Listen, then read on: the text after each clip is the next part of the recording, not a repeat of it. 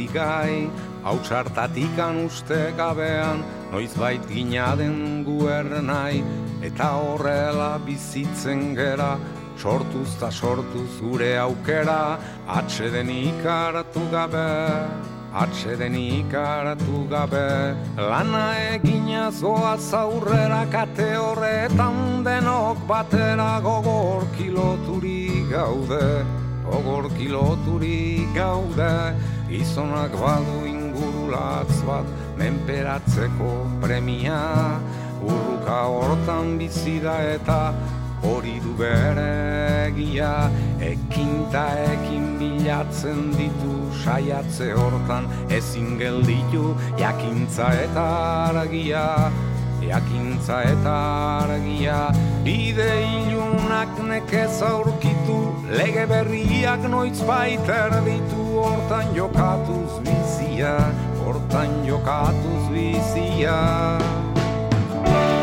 ¿Qué tal estamos? Bienvenidos a este programa, a la Casa de la Palabra. Os presentamos dos grandes aventuras vividas por sus protagonistas. La primera es una larga caminata que cruza Estados Unidos por sendas de montaña, la otra es la travesía en coche de África y Asia protagonizada por una familia de Guernica. Así, para empezar, estaremos con John Galdós Elguezábal. Nos introduce en las páginas de Basajaun en el Sendero de los Apalaches. Recoge la gran caminata por el Appalachian National Scenic Trail, el Sendero de los Apalaches. Es una travesía íntegramente de montaña que cruza Estados Unidos de sur a norte, paralelo a la costa este. Atraviesa 14 estados. John Galdós caminó por el bosque durante casi cinco meses y empleó dos años en el proceso de la creación del libro. Basajaun es el señor de los bosques en la mitología vasca, es el apodo que John Galdós adoptó en esa travesía por los Apalaches. Y luego estaremos con John Vallejo y Nina Garville. Fueron en coche con su hija, con Bianca, por África y Asia. Les asaltó la pandemia del coronavirus en Irán, donde estuvieron parados durante medio año.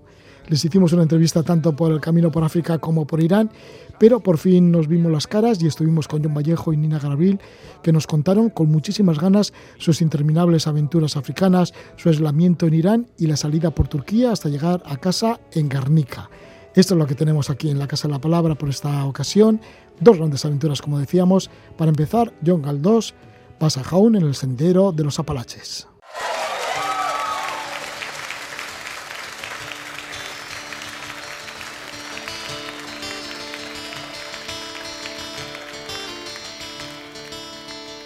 3.30 in the morning, not a soul in sight. The city's looking like a ghost town on a moonless summer night. Raindrops on the windshield, there's a storm moving in. He's heading back from somewhere that he never should have been. The thunder rolls. Thunder roll.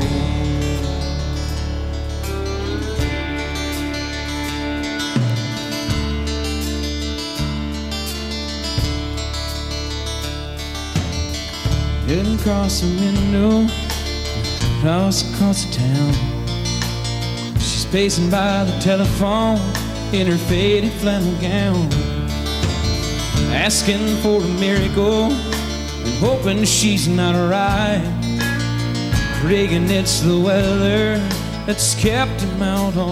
Es el cantante de country, Gad Brooks, en directo con el tema de Thunder Rolls, tormentas así con truenos. Y esto es lo que ha vivido nuestro invitado: tormenta con truenos, brumas, nieblas, un montón de peligros en el camino. Y es que ha hecho la Palacia National Scenic. Vamos a estar con John Galdós, que acaba de publicar un libro que recoge la experiencia con el título de Basajaun en el Sendero de los Apalaches, una aventura de resiliencia y superación. Escuchamos más a Grant Brooks y enseguida estamos con John Galdós.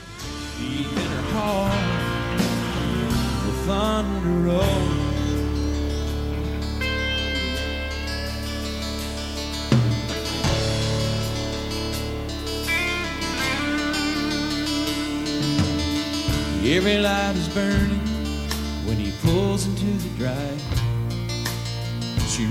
John Galdós ha completado, y esto le convierte casi en un héroe en Estados Unidos, ha completado toda esta travesía de la National Scenic Trail que viene a ser el Sendero de los Apalaches. Son 3.523 kilómetros, lo realizó en casi cinco meses. En total fueron 142 días consecutivos de caminata. La travesía la realizó en solitario, sin equipo de apoyo y transcurre por 14 estados de Estados Unidos. Eh, en esta caminata pues sí ha empleado esos cinco meses y ahora pues todo ello se recoge en un libro, un libro que ha tardado dos años en hacerlo. Ya solo la portada creo que lo ha llevado como un mes entero. Una portada desde luego preciosa y bueno, pues vamos a hablar con John Galdós de este libro, Jaun en el Sendero de los Apalaches, una aventura de resiliencia y superación. John Galdós, bienvenido una vez más. Gabón, buenas noches. Gabón, buenas noches, Roge. Encantado de estar en tu programa otra vez. Sí, que ya en su día nos hablaste de cómo fue este recorrido de los Apalaches, los Apalaches Trail. Y ahora pues sale el libro, que bueno, que ha sido tan duro, parece ser, por lo que nos cuentas, tan duro, antes de la entrevista nos has contado, tan duro como la propia, el propio recorrido, que fue durísimo y te pasó de todo. Sí, eh, bueno, eh, lo que es hacer la travesía, lógicamente es durísimo, eh, pero es un, digamos, es duro en el aspecto físico, digamos, ¿no? También mental. Pero escribir un libro, la verdad es que es, durísimo. como decías, me ha llevado como dos años de trabajo. El libro está escrito en reconocimiento a la gente que me ayudó en Estados Unidos, que fueron muchísimas las personas que me ayudaron a completar esta travesía. Eh, luego describo también eh, lo que es la propia ruta, lógicamente, todas mis vivencias eh, en, los 142 días que estuve seguidos en el bosque y también cuento la historia de Estados Unidos, la creación de Estados Unidos. En esa zona estaban, digamos, las 13 colonias británicas y, bueno, pues he incluido muchísima historia de lo que ha sido la creación y la independencia de Estados Unidos. Sí, porque, claro, has atravesado una parte muy importante de Estados eh, Unidos. Sí, la, que dio, la que dio origen al país, ¿no? Y he metido también cuñas, eh, digamos, de personajes de España que contribuyeron decisivamente a la, a la independencia de Estados Unidos.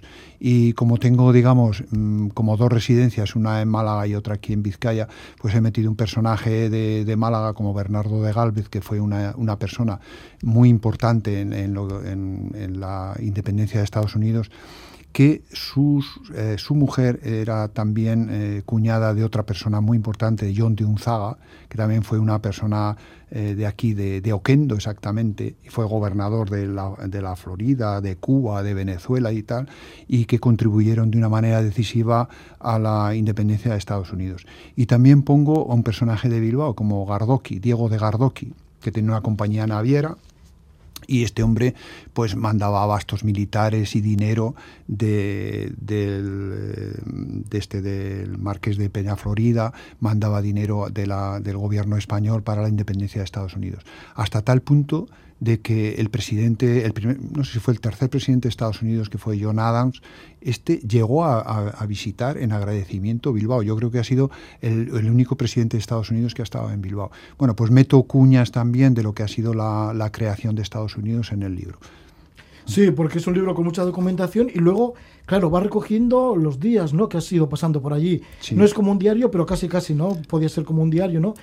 ¿Llevabas un cuaderno? ¿Apuntabas todo? Sí, yo sí, apuntaba todo y... Bueno, se nota, ¿no? Porque claro, no puedes hacerlo esto de memoria. Apuntaba muchísimas cosas, sí, muchísimas. Yo era consciente porque mi actividad era deportiva y tenía que pasar por los sitios, muchos de ellos bellísimos, y, claro, yo no me podía detener a, investigar la historia, no tenía que, que, continuar, pero sí que tomaba notas y luego cuando he escrito el libro, entonces sí que me he documentado y he visto lo que, el alcance, digamos, de los sitios esos que he visto eh, por ahí, ¿no? En, en mi transcurso en la travesía.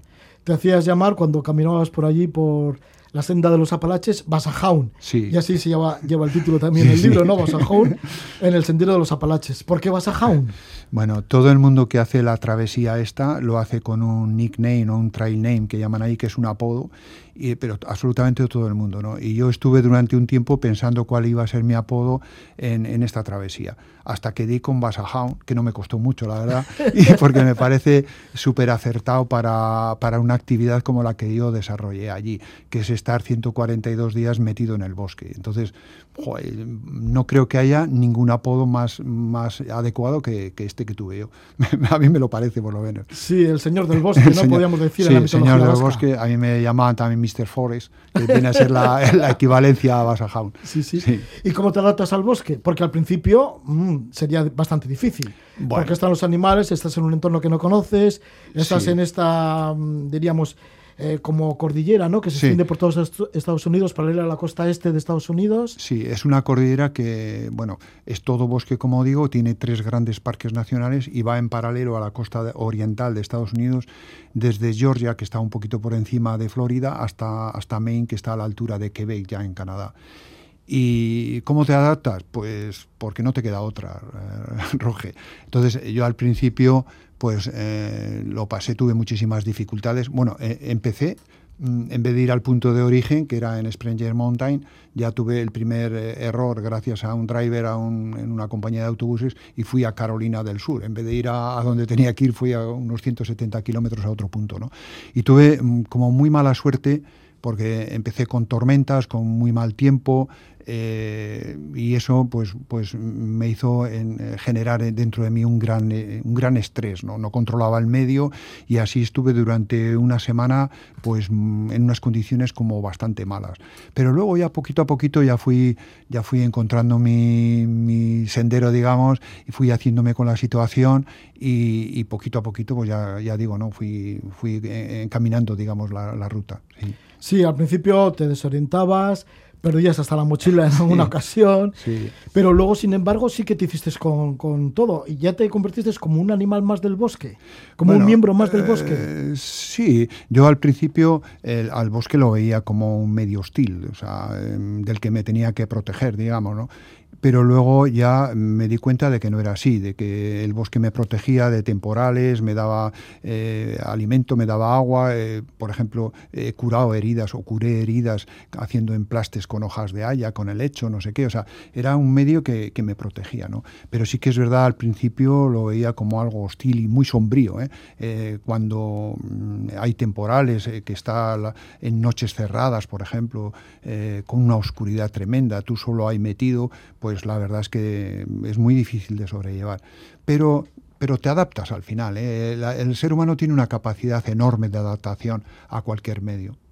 El Appalachian Trail está dotado de numerosos shelters, de cabañas, así lo nombras en, en el libro, ¿no? Que hay 270 en la ruta.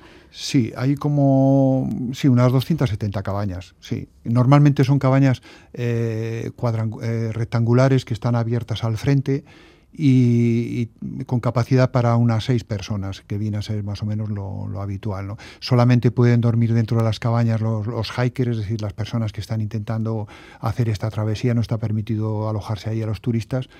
Y bueno, pues son puntos como muy importantes para finalizar el día. Allí procura todo el mundo eh, hacer noche, aunque no duermas, digamos, en el shelter, duermas en una tienda de campaña, pero sí que te encuentras con otras personas y tienes como un momento de convivencia con ellos.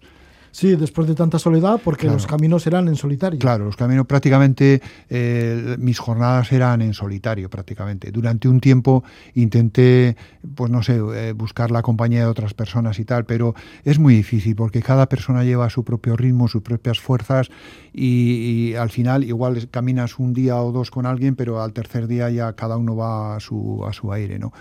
Sí, es, muy difícil, es muy difícil. Sí. después de tanta soledad, estos encuentros en los shelters, en estas cabañas, tendrá que ser emocionante, sobre todo si ya vas conociendo algunos de ellos. Digo que mm, pueden ser algunos reencuentros o no. Sí, yo de, toda la gente que llegué a conocer allí, al final, eh, digamos, después de una longitud tan grande como esta, realmente me quedaron como una o dos personas. Todas las demás personas las he ido perdiendo por ahí, ¿no? O, o se han retirado, o han avanzado más que yo, o se han quedado atrás, ¿no? Eh, pero sí que es verdad que, como digo, en, las cabañas sí que por las noches podías compartir eh, la jornada con alguien y, sobre todo esa soledad, esa negrura de la noche, pues es más llevadera con, gente a tu alrededor, ¿no? Que, no solo ahí debajo de, los árboles. Sí. porque estas cabañas, estos shelters, estarán en lugares estratégicos, que tengan agua y así, porque ¿cómo hacías para suministrarte de, agua? De, agua. Bueno, eh, aparte del alimento. Sí, el agua, efectivamente, los shelters estaban cerca de puntos de agua, eh, gracias a Dios, ¿no? Pero muchas veces el, del shelter, digamos, de la cabaña, para conseguir el agua que, era necesaria, tenías que bajar igual un kilómetro por una ladera o medio kilómetro por una ladera a un arroyo y volver a subir arriba, ¿no? O sea, pero sí, sí, normalmente sí que estaban en puntos muy cercanos de agua. ¿Cuáles eran las dificultades que tenías que sortear? Supongo que a, cada minuto, ¿no? Pues el tema del cansancio, del frío, sí. las enfermedades, las infecciones, las nubes de mosquitos, bueno, tantas cosas que te pasan en el libro, eh, la fatiga psicológica. Sí, yo he tenido de todo, he tenido accidentes, eh, pero no, no yo, sino cualquier eh, hiker ahí ha tenido golpes, ha tenido de todo, ¿no? Y luego el, propio cansancio, caminar con una mochila de veintitantos kilos a la espalda durante días y días y días, pues es, es muy, muy difícil, ¿no? Y estar agotado y por la mañana ponerte otra vez en pie y otra vez lo mismo y siempre subiendo montañas y bajando, pero, pero aún así eh, la soledad, si estás acostumbrado a, vivirla, a disfrutarla, yo creo que, es algo muy importante. Yo en el libro hablo de, un concepto que, llamo el silencio curativo. Yo creo que el silencio mm, cura a las personas y cura, cura muchos males. ¿no? Hay que saber también estar en silencio y saber estar con uno mismo. Mm. Ya mucho aprendizaje en ese camino, ¿no? Que te llevó 142 días metido en el bosque y recorriendo la cordillera de los Apalaches. Bueno, y además piensas que la Appalachian Trail es el triunfo de la verdad sobre la mentira. Sí. ¿Por qué? Eh? Pues porque hoy en día nos venden como una sociedad edulcorada. Eh, eh, nos venden que todo es fácil, que todo se hace enseguida. Por ejemplo, cuando acaban las vacaciones enseguida te bombardean, aprende inglés en un mes, o haga no sé qué en 15 días, o haga no, y las cosas cuesta muchísimo hacerlas, eh, solamente se consiguen con trabajo, trabajo y más trabajo, y en ese sentido eh, representa el, triunfo de la verdad sobre la mentira. En, Estados Unidos yo acuñé también un, concepto a esta ruta, la de em, ruta honorable, que también pienso que lo es, por los valores que tiene de ayuda, de generosidad, de entrega, de sacrificio y tal. Y por eso la defino como ruta honorable también en el libro. ¿En dónde encontraste también esa ayuda? ¿Por parte de quién? Bueno, la, ayuda la encontré por parte de la sociedad eh, norteamericana en general, de todos los sitios por los que pasé, y luego... Mm, sí, porque están muy respetados los caminantes, ¿no? Bueno, los que participan en esto. Los hikers. Los hikers están súper, súper eh, protegidos. Muchísima gente les ayuda.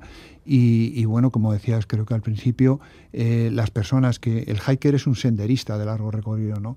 Y las personas que consiguen terminar esto, que consiguen un, un título de, que le denominan True Hiker, están considerados en Estados Unidos poco menos que héroes, ¿no? Por los que finalizan esto, ¿no? Y están como muy arropados, la gente les quiere muchísimo y, eh, como digo, les ayudan en todo tipo, desde darles comida o alimento. A mí me han dado hasta baterías de estas para móviles. Quiero decirte que todo lo que pudieras necesitar, eh, siempre hay alguien allí que te ayuda o te llevan en, los coches a, a, donde sea para cubrir tus necesidades o lo que pudieras, lo que pudieras necesitar en un momento dado. Sí, porque podías estar varios días en, en, el bosque, metido ahí caminando, pero sí que luego, pues para alimentarte o para algún otro servicio, por ejemplo, estabais también con el tema del servicio postal ¿no? de Estados Unidos. Sí, eh, bueno. para ello necesitabais salir del monte. Claro, es, imposible. Eh, en cinco meses tienes diferentes estados climatológicos y, diferentes zonas, además. ¿no? Entonces te apoyas en el servicio postal de Estados Unidos, que es un servicio que funciona muy bien, y todos los hikers lo que hacen es eh, llevan materiales, digamos, eh, en el servicio postal de Estados Unidos a medida que avanzan. Por ejemplo, no necesitas determinada ropa, pues la llevas por el servicio postal hasta donde tú crees que la vas a necesitar. Eh, las oficinas postales también están alejadas. Tienes que salirte del, sendero, tienes que hacer autostop e irte pues, a, los kilómetros que sean necesarios para acudir a una oficina de esas postales. El envío de, materiales no es muy caro, viene a salir mm, unos 15 dólares por caja y si simplemente la reenvías a otra oficina postal más, más adelante, no te cobran por ello. Quiero decir que, bueno, no es caro y tampoco lo puedes llevar todo encima, porque entonces llevarías treinta y pico kilos en la espalda. En el libro, Basajón en el Sendero de los Apalaches, sí que también está la parte técnica, ¿no? Para que al que quiera repetir esta, diríamos, yo pienso, hazaña, que será difícil porque en el Estado eres el único que lo has hecho. No, en bueno, en solitario, quiero decir. En solitario, sí. Eh, la primera persona la hizo Sonia Ibáñez con su marido norteamericano Kevin. Eh, que bueno, la hicieron en el año 2013, si no recuerdo mal. Y yo cuando eh, decidí ir me apoyé muchísimo en Sonia. Sonia me ayudó mucho y me, bueno, me orientó en todo lo posible y me ayudó. Incluso en una ciudad que se llama Ducanan, me mandó un eh, chorizos y jamón y todo desde España, no te, digo mal, Y ella fue la, primera persona de España que lo hizo, es una, es una persona de Madrid, y lo hizo con el train name, ¿no? el apodo Chulapa, me parece, y tal, ¿no? Y luego, después de mí, lo ha hecho Alex Gómez, que es una, un chico de, de, de Castrurdiales, que es, bueno, es amigo mío, sus padres también y tal, y lo hizo en el año 2019, Alex. Sí, que tú estuviste, empezaste el 1 de mayo de 2017. Y, ahora lo va a hacer, perdona, Roge, y ahora lo va a hacer, que ya está también encaminado, un hombre de Tenerife que se llama Enrique, y lo iba a hacer este año, pero con la pandemia lo ha tenido que, retrasar al año que viene. O sea, que estamos como creando aquí también un pequeño club, de momento. Sí, y para que aumente ese pequeño club, pues este libro es básico porque también das indicaciones, ¿no? Para el que quiera realizar este larguísimo trayecto que a ti te llevó casi cinco meses. Sí. 3.523 kilómetros. El libro es Basajón, en el Sendero de los Apalaches, un libro con una portada preciosa en el que se mm. le ve al autor, a John Galdós, se le ve colgado de una roca allí en Virginia, al vacío, estás casi en el vacío. Mirando al vacío. Sí, como te dé un poco amarillo, ahí te caes. y bueno, pues ahí lo podéis encontrar. Y de todas formas, están las librerías, pero sí, de todas formas, tienes un contacto que también se puede pedir al propio autor. Sí, sí, yo lo, el libro lo vendo a través de una de mi propia página web, que es johngaldos.com he creado esa página web porque bueno, el mundo literario deja mucho, muy poco margen para el autor y digo, bueno, pues los voy a vender a través de mi página web, que siempre tengo como un más margen económico, ¿no? Pero además de eso se puede encontrar en las librerías bajo demanda y luego en, todas las eh, plataformas, digamos, de venta como Amazon, La Casa del Libro o FNAC o, no sé, el Corte Inglés, por ejemplo. Hoy he entregado también 80 libros a Elcar. Quiero decir que está en muchos puntos donde se puede adquirir. También se puede hacer en, lugares internacionales como Estados Unidos o México, Inglaterra u, otros países por ahí también, sí. Pues ahí está el contacto fundamental que es www.johngaldos.com. Muchísimas gracias por estar con nosotros a John Galdos Elguezábal, autor de este libro, Bosajón en el Sendero de los Apalaches, una aventura de resiliencia y superación. Bueno, pues te has superado en el camino y te has superado también con el libro, que lleva ya la segunda edición. La segunda edición, sí, la verdad es que estoy muy contento. La primera edición se, se vendió prácticamente en cuatro o cinco días y, ahora estoy dedicado al, marketing, aquí como a tope, ¿no? como digo, es algo muy difícil. Hay muchísimos libros en el mercado y que uno destaque y que llame la atención y que se compre y así, pues es difícil. Más en una situación en la que todo el mundo, pues, o, gran parte de la sociedad piratea muchas cosas, la música o los libros o lo que sea, ¿no? Pues gracias por estar con nosotros, Jaun. John Galdós, el señor de los bosques, que ha estado con nosotros para contarnos cómo hizo esa travesía del Apalache National Scenic Trail, el sendero de los Apalaches. Un abrazo, John Galdós, una vez más. Un abrazo para ti, Roji, y para todo el público. Hasta ahora.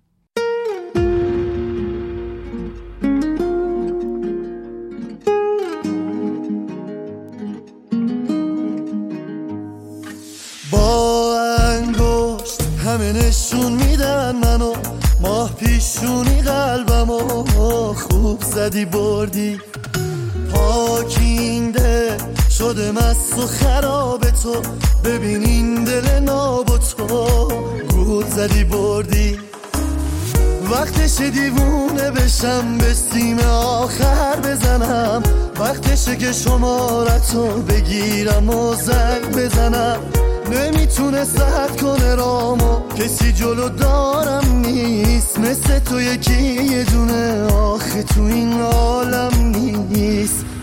حالیم نیست. یالا پاشو بیا پیش من. حالا اون ناز و کرشم رو ببینم. Es la música iraní de Oros Van y estamos con Joe Vallejo, Nina Garoil, que junto con su hija Bianca han estado como más o menos seis meses bloqueados allí en Irán en un largo viaje que estaban haciendo alrededor del continente europeo, de Asia y también del continente africano. Teníamos muchas ganas de estar con John, con Nina y con Bianca pues hemos hecho varias conexiones con ellos cuando llevan, pues no sé si tres meses, luego un poquito más, y al final estábamos pensando, bueno, ¿cuándo volverán? ¿Cuándo les veremos? Y bueno, y ahora tenemos el gusto de ver a John Vallejo y a Nina Gravil. No está su hija Bianca, pero bueno, algún día ya también estará por aquí para, para contarnos también estas vivencias, pero por lo menos estamos con John y con Nina. Así que le damos la bienvenida. Nina Gravil, muy buenas noches. Hola. John Vallejo, ¿qué tal estás? Muy buenas noches. Hola, Roge. Estupendamente. Bien, que por fin, eso, que por fin nos vemos, ¿no? Porque fíjate, después de estar allí seis meses bloqueados, no tanto como seis, pero casi. Prácticamente seis meses. Estuvimos cinco meses y pico y la cosa es que tampoco teníamos ni idea de cuándo íbamos a volver. O sea, estamos aquí, pero podíamos seguir allí tranquilamente porque ni siquiera han abierto todavía las fronteras. Y eso que sois experimentados trotamundos, diríamos, ¿no? Porque eh, hay que comentar que juntos, en familia, bueno, pues vais en vuestro propio coche, que le llamáis Sabino, que es un Toyota Land Cruiser del año 1996, que lo habéis adaptado en caravana, que ya hicisteis un primer recorrido por Europa y Asia durante 14 meses, esto fue entre 2014 y 2015, y es en el verano de 2017 cuando os decidisteis volver de nuevo a la carretera, os fuisteis hasta Mongolia, regresasteis a Guernica por Navidades, y en febrero de 2019 fue cuando ya os tirasteis dirección al continente africano, disteis la vuelta entera al continente, llegando hasta el Cabo Agujas, por la costa oeste, hasta el Cabo Agujas, que es la punta más al sur de África. Sí, es la punta más al sur de África. Bueno, toda la vuelta a África nos hubiera gustado, pero no es posible porque al final están Libia y Argelia, que son dos países que hoy en día no se pueden, no se pueden pasar.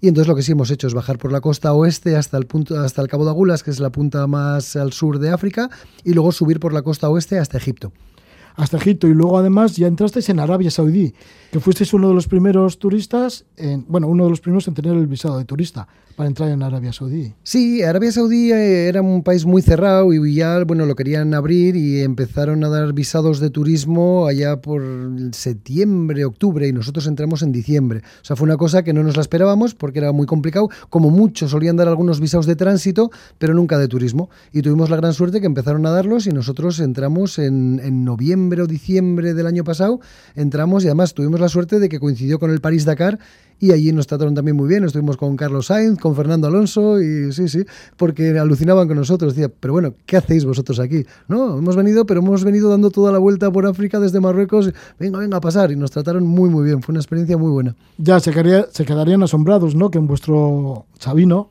pues dierais la vuelta casi al continente africano y aparecieres por allí, por Arabia Saudí. Sí, sí, claro, claro, porque además había muy poco público. En otros sitios, como fue anteriormente en América y por ahí, debía estar a tope de gente, pero ahí había poquita gente. Entonces, la verdad es que fue, fue una, una, una grata situación, sí. Sí, el París-Dakar que ha sido por Arabia Saudí.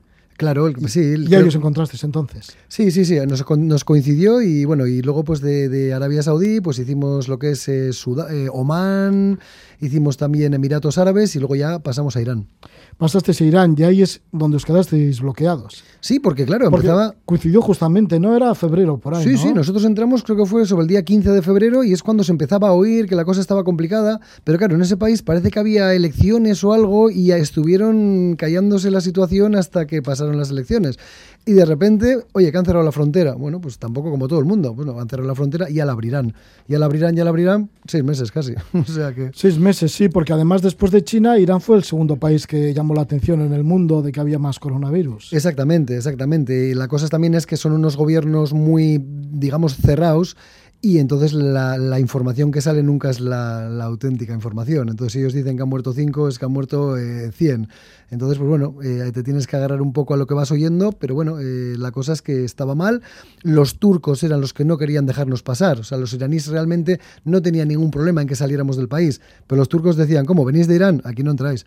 Y bueno, hasta que conseguimos salir pasó mucho tiempo, sí. ¿Estaban todas las fronteras cerradas de todos los países alrededor de Irán? Absolutamente, todas cerradas por tierra estaban. Eh, la cosa es que también, bueno, hay cosas muy raras que, que, había gente que podía salir volando. O sea, había gente que salía de Irán, entraba en Barcelona y en Barcelona no le miraban ni la fiebre, viniendo de un país como Irán. Pero los turcos decían que no se podía pasar por la frontera y no se podía pasar, y no había manera. Vosotros decíais, si tenemos que volver, volvemos con Sabino, volvemos en coche. Sabino es de la familia, es como dejar la Bianca allí, eso no, no podía ser, no entraba en nuestros planes vamos. Y, Nina, ¿qué es lo que estabais oyendo allí? Digo, del coronavirus, los primeros mm, días que oíais, eso de que no podéis salir del país, de que hay una pandemia por ahí, por el mundo y que se está cebando un poquito por países como China e Irán. Sí, bueno, nosotros nosotros no, no solemos uh, mirar las noticias, entonces no teníamos ni idea que puede ser la cosa tan, tan seria.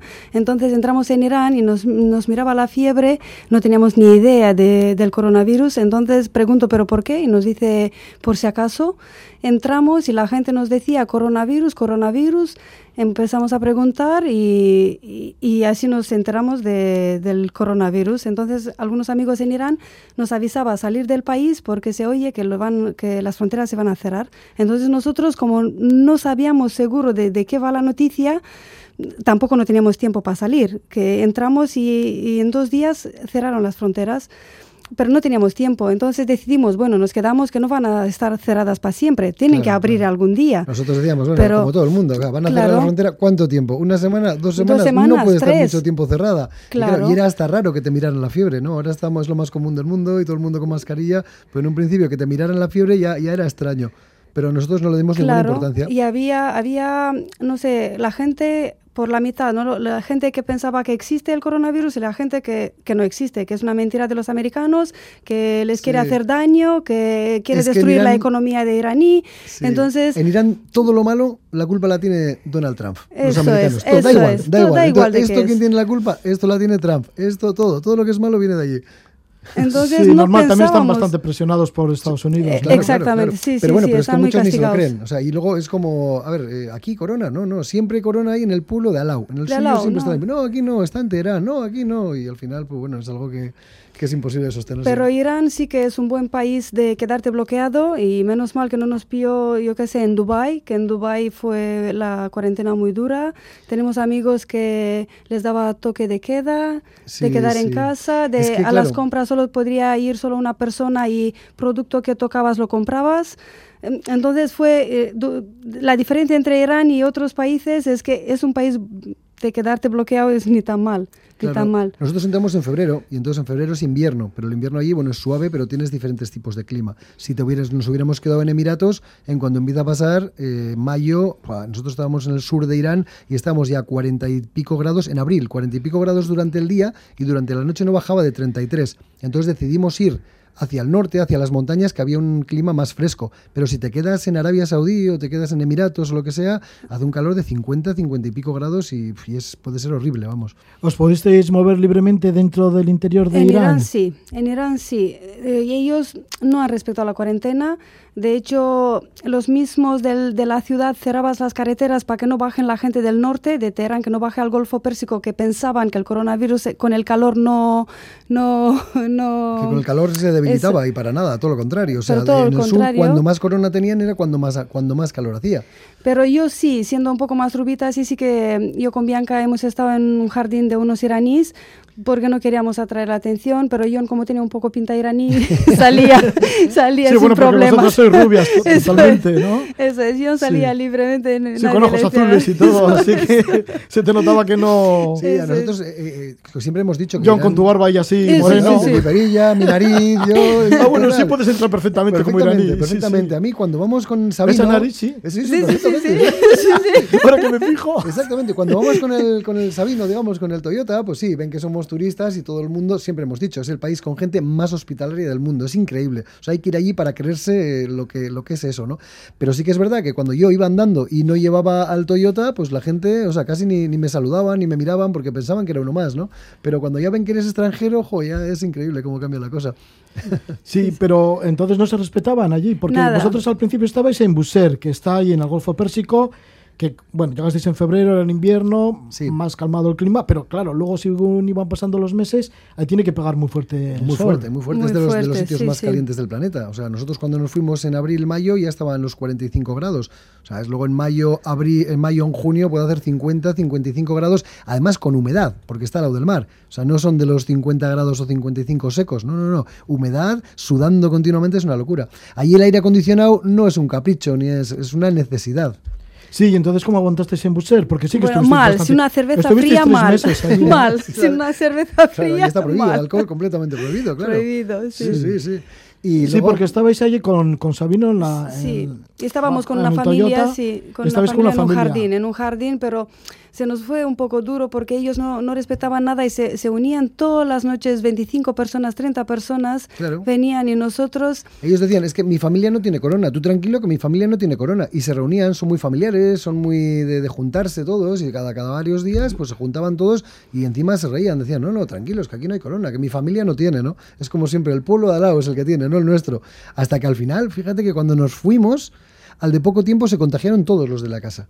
O sea, Sí, pasaron todos, todos, todos, todos se contagiaron Sí, al sí. final. Y también oírles, oh, España está muy mal, está muy mal. Digo, pues claro, pero Irán también.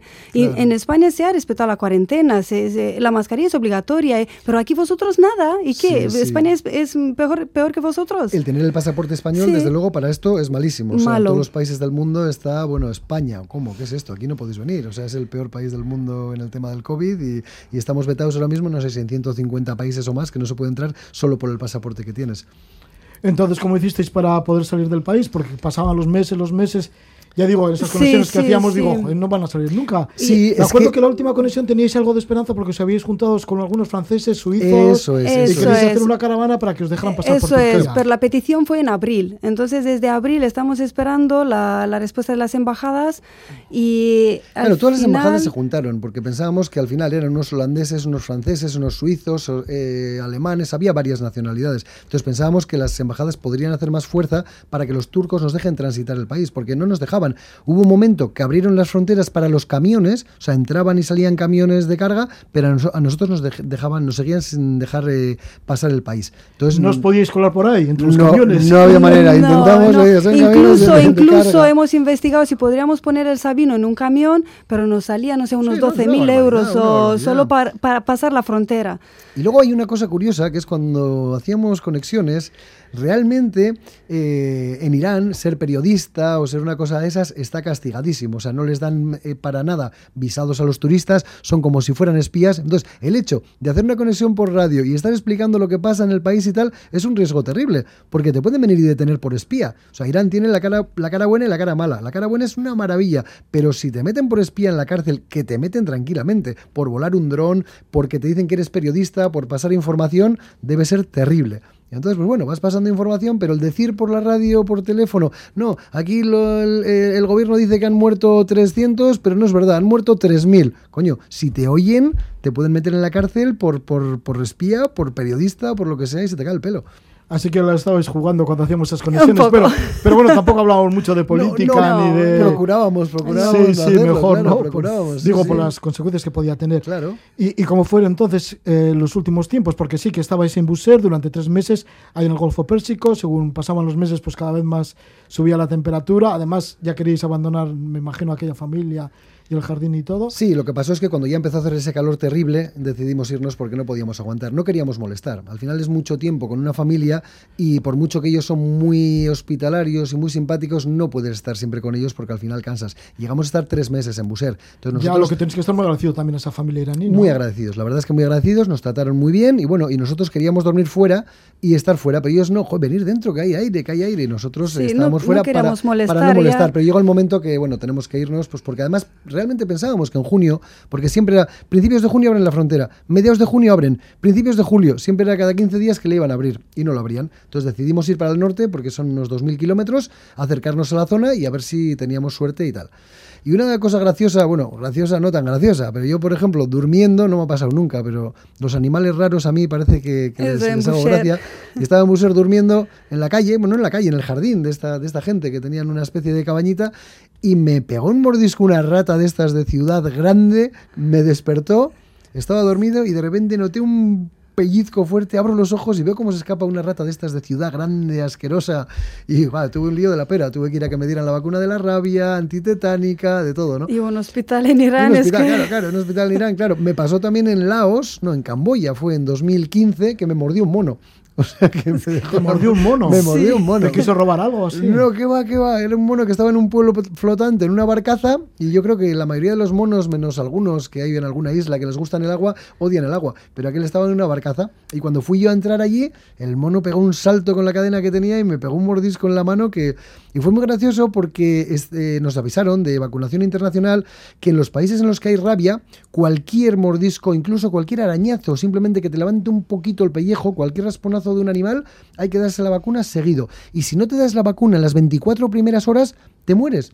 O sea, no te mueres ya en esas 24 horas, pero ya no tiene cura no, no se puede hacer nada. Y es una muerte malísima. Es como en las películas que te empieza a salir espuma por la boca, tienes fobia al agua, o sea, es, es increíble, es, es, muy... Y entonces, claro, dijimos, bueno... Así que vaya maldita rata. No, eso es la rata, pero hablando del mono. Ah, del mono, del mono, el que pasó en, en Camboya. Ah, en y Camboya. Fue, fue, muy gracioso porque era un pueblo flotante y entonces fuimos a la farmacia y entonces el señor dijo, bueno, hay que darte la vacuna. ¿Y qué hizo? Sacó del agua, con una cuerda, sacó chorreando la vacuna del agua y yo miraba aquello y decía, esto no puede ser. Y realmente te pones a pensar y es mejor porque si tú tienes una nevera pero se va la luz, eh, te quedas con. Eh, se pierde la vacuna. Pero el agua tiene una temperatura estable. Pero claro, cuando está, mm, te juegas la vida y te saca un tío del agua chorreando un montón de vacunas así de, de, de, con una cuerda, pues dices, oye, mira, me voy a ir a un hospital un poco más decente que, que prefiero. Tengo 24 horas y alguno ya llegaré, ¿no? Sí, y, bueno, y llegaste allí en Camboya a un hospital. Llegué, llegué, llegué, y en el hospital hubo uno que me dijo, eh, aquí en Camboya los, motos, los, los monos no tienen rabia. Y sabes que los monos, los gatos, los perros y los murciélagos son los mayores portadores de, de rabia de, del mundo, ¿no? Pero, oye, si quieres te damos la vacuna, pero que se sepas que en este país los monos no tienen rabia.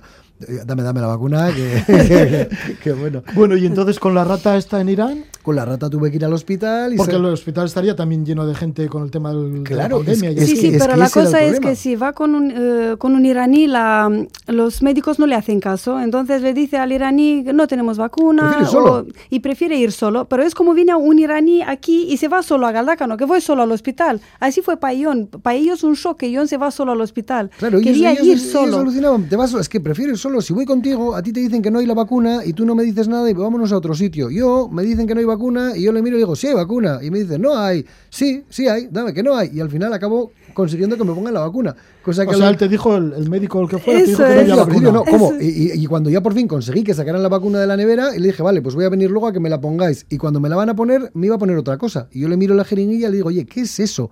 Digo, pues lo que me has dicho, no, lo que me has dicho, claro, hablando en, en, persa, pues imagínate. Digo, no, no, no, le saqué una foto, le enseñé y me dijo, ah, vale, vale. Y entonces fue a la nevera, cambió la vacuna que me iba a poner, que no tengo ni idea de lo que era, y entonces sí que me sacó la de, me sacó la, de la rabia, y entonces le dije, es así, pero tienes que andar al oro de todo, claro.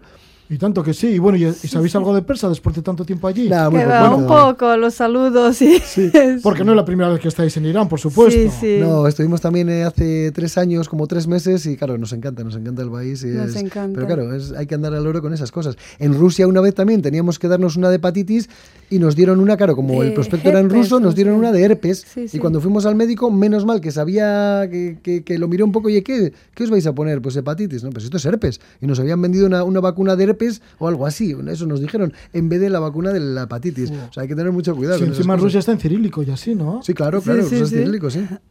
Uy, hay que O estar que- súper atento entonces. Hay que estar súper atento.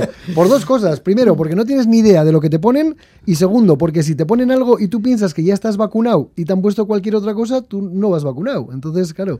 Claro, y encima en persa también escriben contragrafía. Sí, Claro, sí, claro, es, claro. es árabe lo que escriben. Es el mismo, el mismo alfabeto que el árabe. Es igual, igual.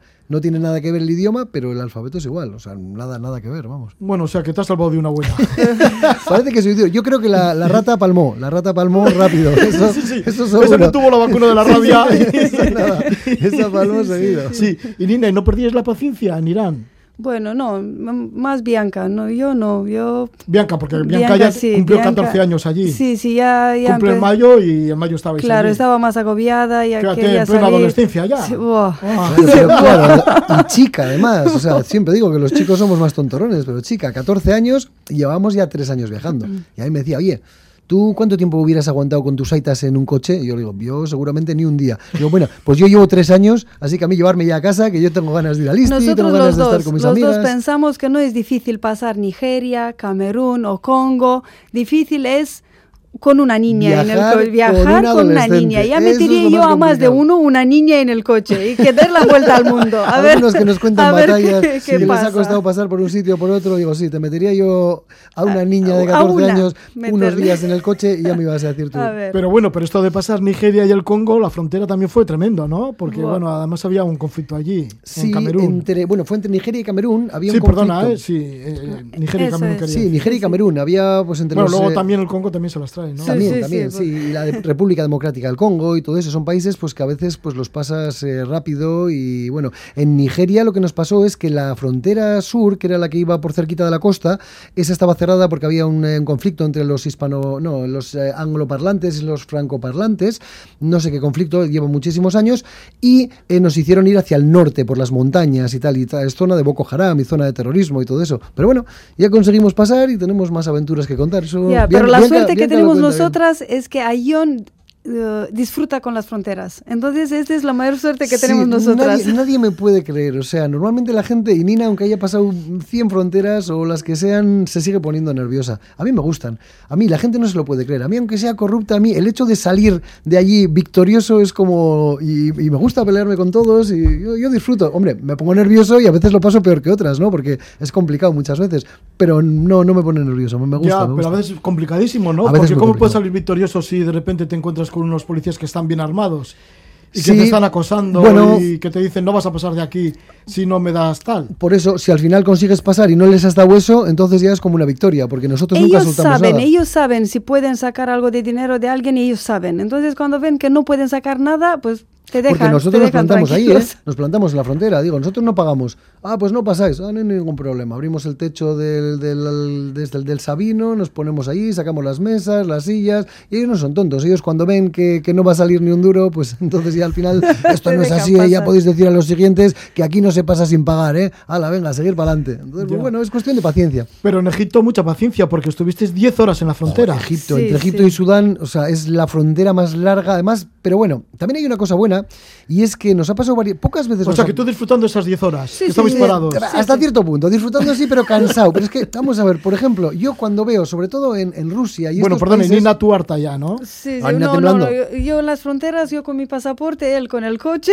él tiene que vaciar el coche, él tiene que llenarlo. Ese es mi trabajo, es mi Sí, trabajo. sí, yo- Y yo cuando, sobre todo en las antiguas eh, ex Uniones Soviética o Rusia, por ahí, cuando nos sale una militar mujer de estas además grandes, tal, yo tiemblo. Entonces sí, cuando veo una mujer tiemblo, porque con los hombres acabas hablando del Barça, del Madrid, de lo que sea, pero las mujeres son muy estrictas, muy duras y no le sacas una sonrisa ni para 10.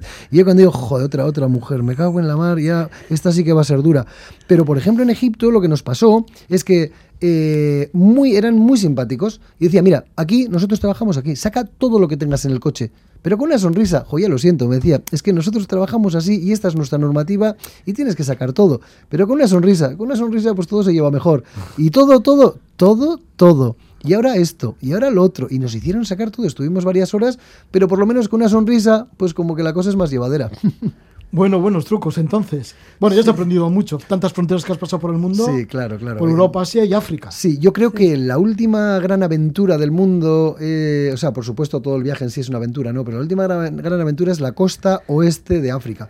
O sea, para bajar desde Marruecos hasta Sudáfrica son como 17 países mínimo y eso sí que es un show. O sea, ahí hay de todo, te puedes encontrar en las fronteras de todo y todas son corruptas, vamos, a tope. En todas te intentan sacar algo, excepto en las del sur, ya pues Namibia, Sudáfrica, Botswana, es un espectáculo, pero se aprende muchísimo, vamos. Yo, yo he aprendido mucho, mucho.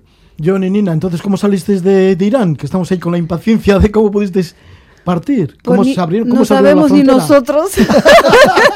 O sea, que estáis aquí de milagro. De repente una llamada que tenemos que estar en la frontera.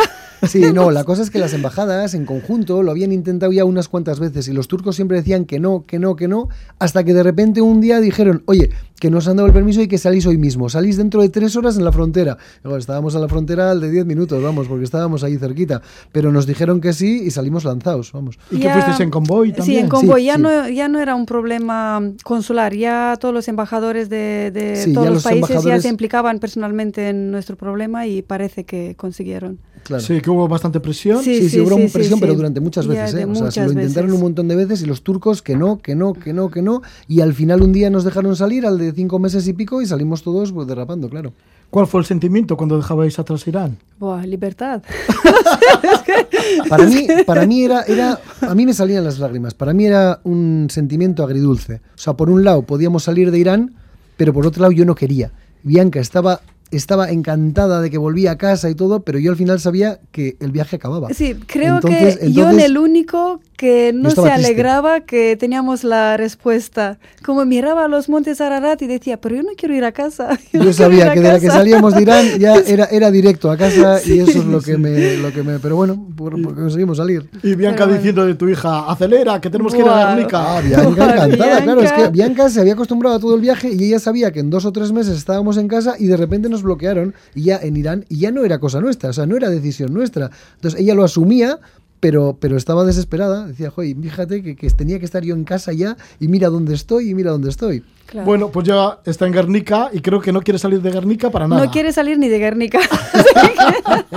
o sea que está autoconfinada. Eso es, vosotros a Bilbao lo que queráis, pero a mí en Guernica. E, es más, para que pueda entrar bien al Insti, lo que hicimos es, le hemos puesto con unas chicas muy majas, de, haciendo unas clases particulares para que coja un poco mejor todo el tema, y le pusimos durante todo el mes de agosto cuatro horas por la mañana y ella estaba encantada. Le decimos, oye, Bianca, si quieres, pídete un pinchito a media mañana. Y ella decía, no, no, yo he venido aquí a estudiar y yo no he venido aquí a perder el tiempo, así que a mí dejarme tranquila. Y ha estado todo el mes haciendo cuatro horas a la mañana de clases particulares encantada. O sea, lo ha pillado todo muy rápido otra vez, porque claro, no es lo mismo que nosotros hacíamos de profesores a lo que luego va a dar aquí. Entonces sí queríamos que, tenga un poco de, eso. Sí, es que los niños y los jóvenes, bueno, vuestra hija tiene 14 años, se adaptan enseguida, ¿no? Claro, claro, si se ponen, se ponen. De hecho, nos íbamos a ir un año a Irlanda antes de venir aquí. O sea, la idea era, en vez de aterrizar en casa, ir a pasar un curso a Irlanda y al final, pues por el tema, por eh, hasta el último minuto, ¿eh? que nos dijeron que no podíamos y el último minuto, viniendo ya de Irán, estábamos viendo a ver si podíamos entrar en, en, en Irlanda y no pudimos y tuvimos que volver a casa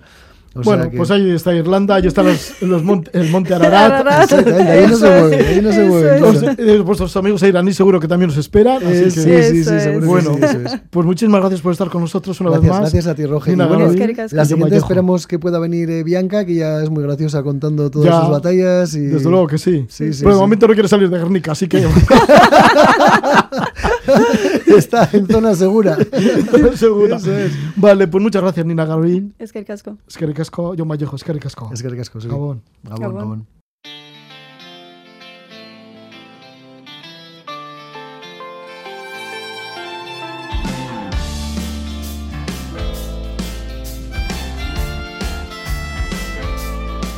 Recordando las palabras de John Vallejo y Nina Garavil cuando regresaron de su largo viaje por África y Asia.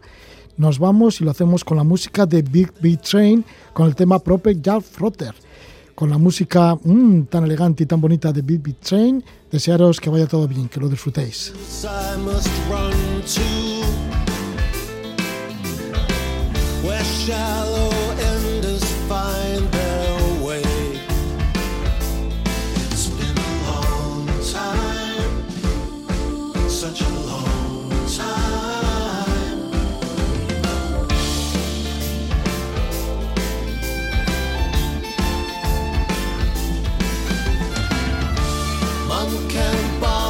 Shout the house down.